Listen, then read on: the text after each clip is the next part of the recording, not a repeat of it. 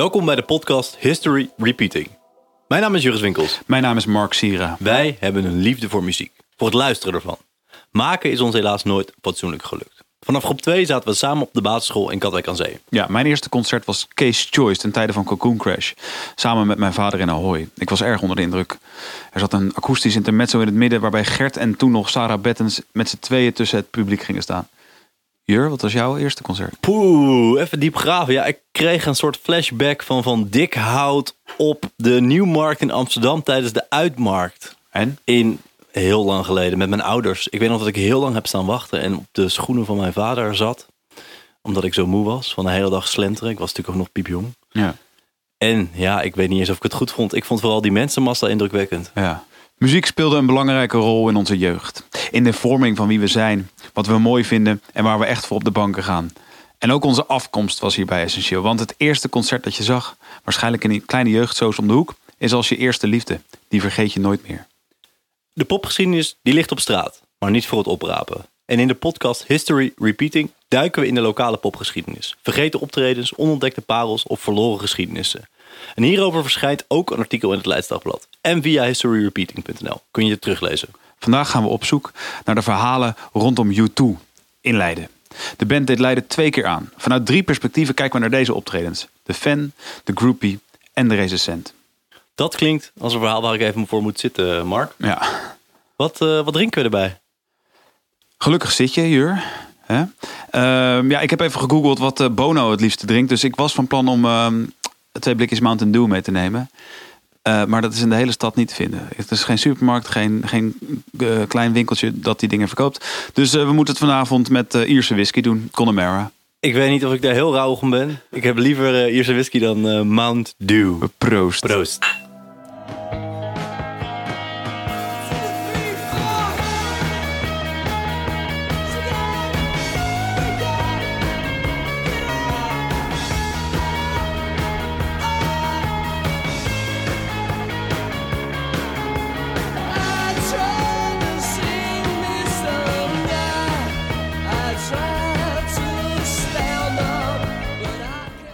Gloria, een bescheiden hit van het tweede album van U2, oktober.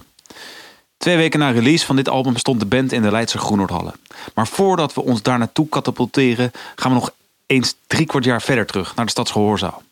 Want? Stonden ze daar ook? Yes, voor een uitverkocht huis. Echt? Ja, het Leids Dagblad was ook aanwezig en schreef... als een sneltrein denderde U2 gisteravond door een volle stadsgehoorzaal. Drummer Larry Mullen met zijn wervelende roffels... bassist Adam Clayton en solo-gitarist The Edge... zorgden daarbij voor de aandrijving. De dynamische entertainer Bono Vox... fungeerde als muzikale gids in de volgepakte U2 Express. De band bracht een ware hysterie onder de massa teweeg. In elk geval heeft U2 er na vanavond weer duizend trouwe fans en platenkopers bij. De Leidse Linda Idema kwam in ieder geval niet voor de muziek. Was je fan? Als je was een, een vroege, een early adapter zoals ze dat noemen. Eh, nee, eh, toen ze net kwamen niet. Wij hadden een plaatje in onze agenda van U2. En daar vonden we Bono heel erg op een vakantievriendje lijken. Zo zijn we er een beetje aangekomen. Toen zagen we dat ze in de Stadsgehoorzaal zouden spelen. En eh, we hebben een kaart gekocht, zijn we naartoe gegaan. Kennen we eigenlijk nog niet eens de muziek. Een paar nummertjes, nog even van tevoren. Hoe heette het vakantievriendje? Klaus. Dat was een Duitser. Ja, een Oostenrijker. een Oostenrijker was het. Dus ehm, ja, daar leek hij op. Ja. Dus vandaar. Dus je bent eigenlijk voor de looks naar het eh, concert gegaan. Ja. Ben jij wel eens voor de looks naar een concert gegaan? Wat vond je van Sarah Bettens? Nee, ik, ik ga altijd voor de looks naar jouw hu- huis eigenlijk. Want jij hebt die looks hier. Nou, dank je Mark. Zou op. Frank Hietbrink. Die eh, ging meestal stappen in het Lissische Magnifiosi. Hij ging niet voor de looks naar U2. Maar hij was er omdat hij het debuut, het album Boy, op cassette had overgenomen van een klasgenootje. En hij vond het een geweldige plaat. Hij kwam alleen veel te vroeg bij het concert aan. Oeh, ja, ik zie, ik zie die, ja, klein zaaltje met een podium. Ja. Ik herinner me er niet heel veel van. Wat ik me wel herinner, dat is eigenlijk het leukste van het verhaal. Ik was jong, hè? Ja. En eh, dus op de fiets van Sassheim naar Leiden. En eh, we kwamen aan, maar we waren veel te vroeg. De zaal was nog niet open. Dat heb je als, als jong jochie. Dan wil je op tijd zijn. Ja. Dus eh, wij, wij kwamen aan en toen zijn we bij de deur gaan kijken. Ja, nee, nee, het was nog niet open. Het ging pas later open. Dus toen gingen we maar een rondje wandelen. En vlak voorbij de Stadsgehoorzaal, eh, wat ik me herinner, is een zijstraatje naar links. En toen kwamen we daar ineens de, eh, de spelers van U2 tegen. band. De band kwamen we tegen. Die waren 20, 21 denk ik. Ook nog jonge broekies. En die liepen weer links af. En wij erachteraan. En eh, naar de snackbar, daar wouden wij ook heen. En zij gingen daar ook heen. Dus eh ouderwets gesnackt. En met hun eh, een beetje zitten kletsen. Niet echt bijzonder. Van, hey, ja, jullie zijn de band. Ja, wij komen naar jullie kijken. Weet je wel, zo. Ja, ja, leuk. Ja, leuk, leuk. Nou, dan zien we jullie straks. En wij waren als eerste weer voor de deur. Dus we stonden ook vooraan het podium. En eh, op een gegeven moment, eh, wat ik mij herinner, tijdens het concert ben ik ook nog door de gitarist. Eh, die gaf me een hand zo, hup, het podium op. Ja, die Edge. Ja, die gaf me een hand, hup, het podium op voor een nummer. En toen weer eraf Wat gesprongen. heb je gedaan op het podium dan? Nou, eh, gedanst. Weet ik Zoals je veel. dat in de ja. ook deed. Ja, ja, precies. Ja, ja. Ja, dat denk ik. Ja. De kranten waren enthousiast, de fan ook. Was U2 niet binnen de kortste keren wereldberoemd? Ja, dat duurde niet lang. Maar na Boy kwam oktober en dat album werd algemeen als iets minder eh, ontvangen. Het album handelde over spiritualiteit en hier en daar kwamen wat kritische geluiden. Wellicht dat de definitieve doorbraak daardoor nog even op zich liet wachten. Drie kwart la- jaar later, na het optreden in de Stadsgehoorzaal, twee weken na het verschijnen van oktober, stond de band in de Groenhoordhallen. Ah, de fameuze Groenoordhallen. Iedere keer als het over Leiden en muziek gaat, komen we altijd weer uit bij De Groenhoordhallen. de Groenoordhallen. Ehm, hoeveel bands hebben daar in werkelijkheid gestaan?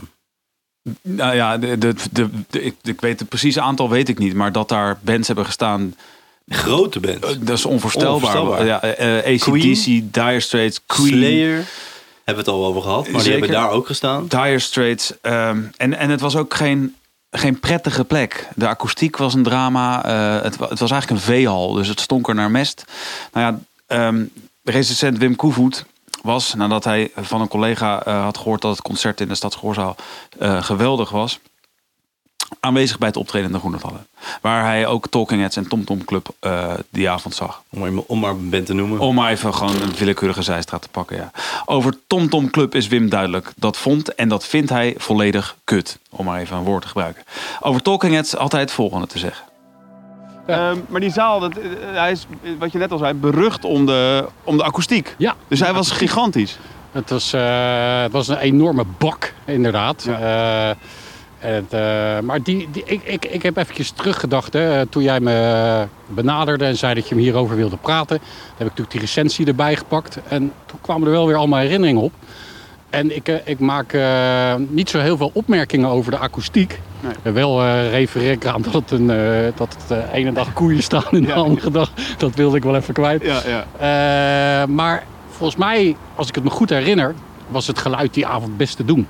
Ja, dat, Ja. dat schrijf je ook. Ja. Eh. Je schrijft dat eh, zowel U2 als Talking Heads als Tom Tom Club best goed klonken. Kijk, U2 gedijt natuurlijk in galm, dus dat, eh, dat- U2 is Latijn voor galm, denk ik. ja, ja, inderdaad. En, eh, en ik, ik beschrijf dat geluid van de Talking Heads eh, heel erg als kaal, hè, heb, Ja. ik, het, eh, heb ik het over.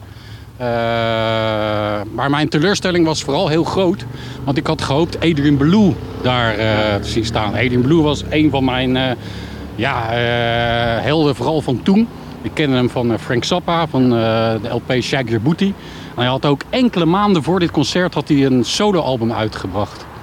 Eh, als ik het goed heb, de, de Lone Rhino of zo heet. Dus op de hoes zie je hem staan in een rood pak. Ja. Dan staat hij ergens in de jungle of zo. En dan staat er een enorme ja, een neushoorn. Die staat heel bedreigend voor me. En hij staat zo met zijn gitaar. En eh, ja, ik vond dat al geweldig. Ja. Dus ik denk, godverdorie, hey, Adrian Blue in de Groenhoordhallen. Nou, dat was dus niet zo. Nee, nee. Wim denkt dat hij nu anders zou schrijven over het concert van Talking Heads. Maar over het optreden van U2 in 1982 in de Groenhoordhallen is hij nog steeds heel enthousiast. Waar je bijzonder positief over was, was eigenlijk wat slechts het voorprogramma was. eh, U2. U2, ja. ja. ik was al een beetje gealarmeerd dat dat eh, best wel eh, een goede band was. Dat, eh, door mijn toenmalige collega Jaap Visser. Ja. Die had een optreden gezien in de Leidse Stadsgehoorzaal. En had hij drie weken later had hij het daar nog over. Hoe geweldig hij dat vond. En eh, ik durfde wel een beetje op Jaap af te gaan. Dus ik ging er ook naartoe. En ik denk ook wel dat ik, eh, eh, dat weet ik niet helemaal zeker meer, eh, ook al een, een plaat van ze had gekocht.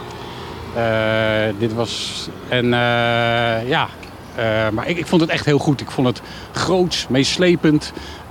Precies wat je, wat, je, wat je ook als jonge man, want dat was ik in die tijd, ook, ook wel een beetje nodig had.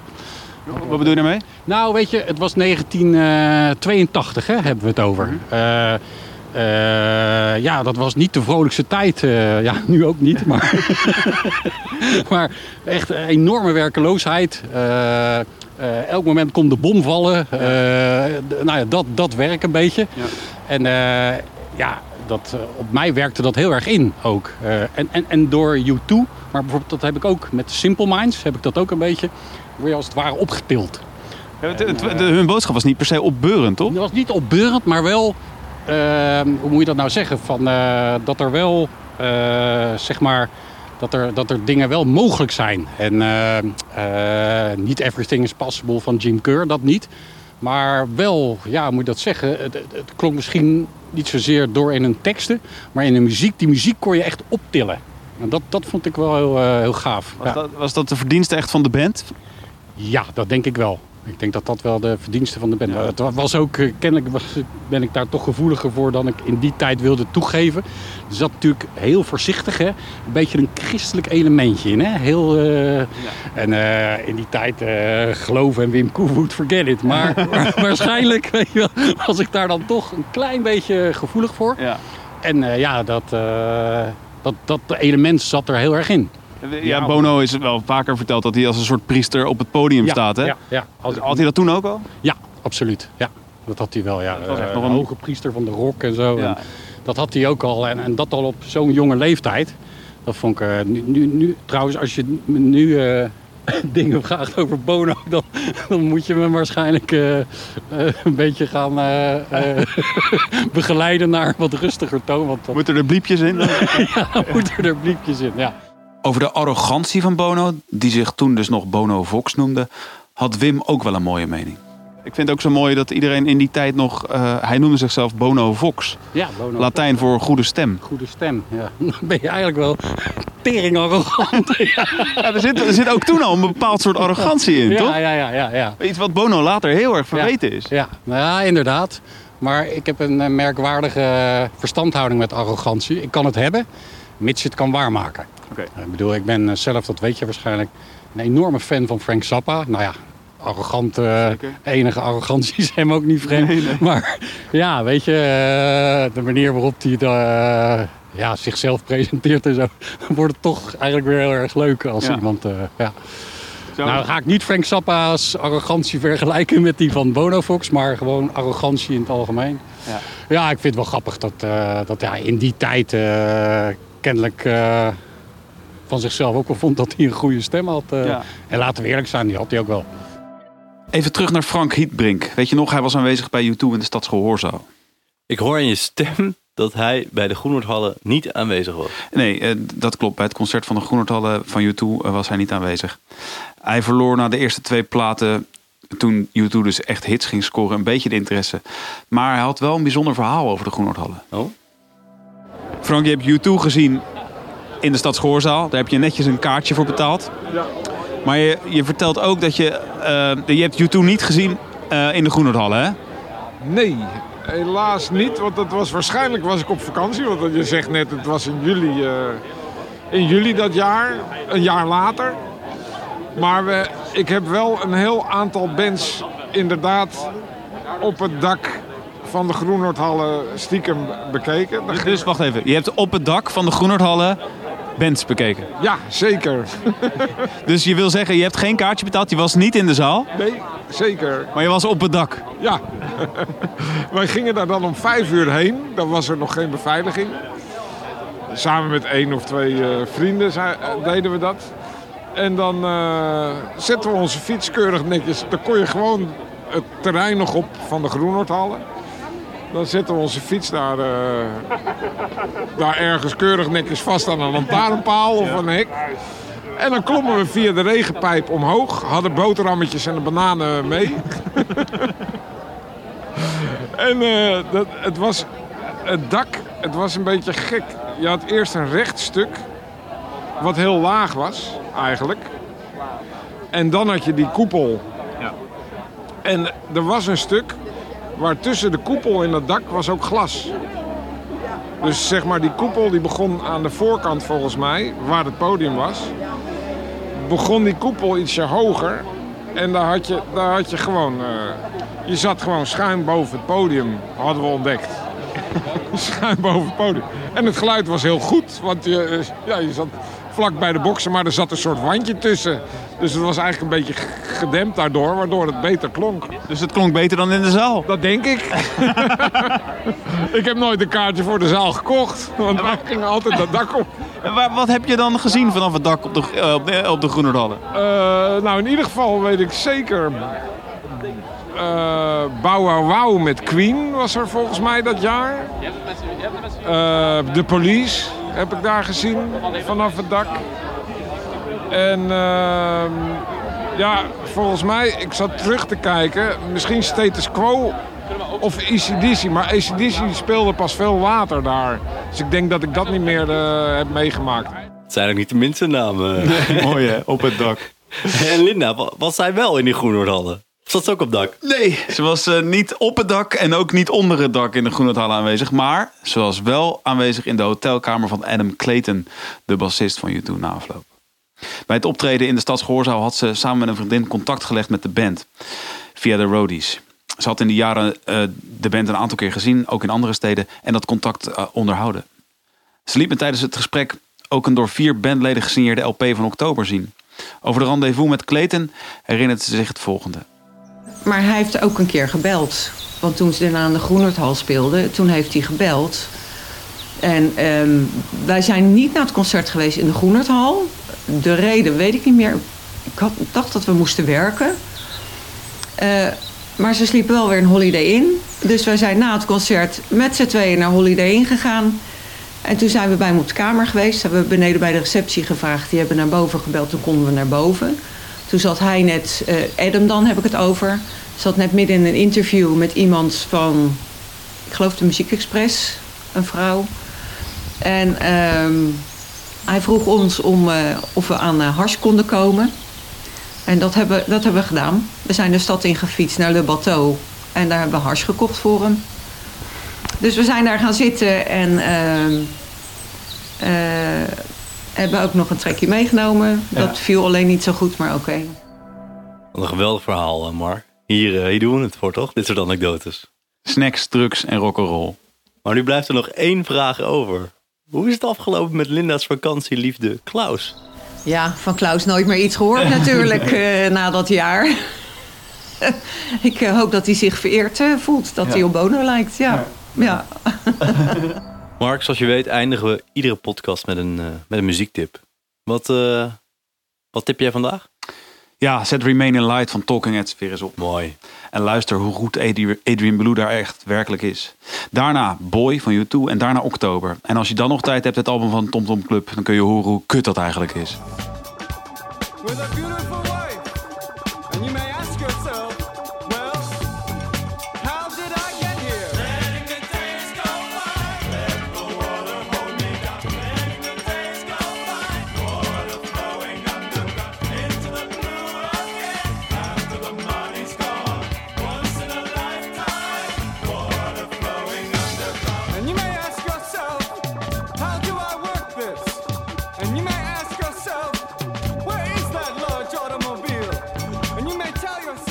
En heb jij nou nog een verhaal dat verteld moet worden? Stuur dan een voice message via Instagram naar historyrepeating.nl of kijk op onze website en dan kun je ook gewoon een mailtje sturen.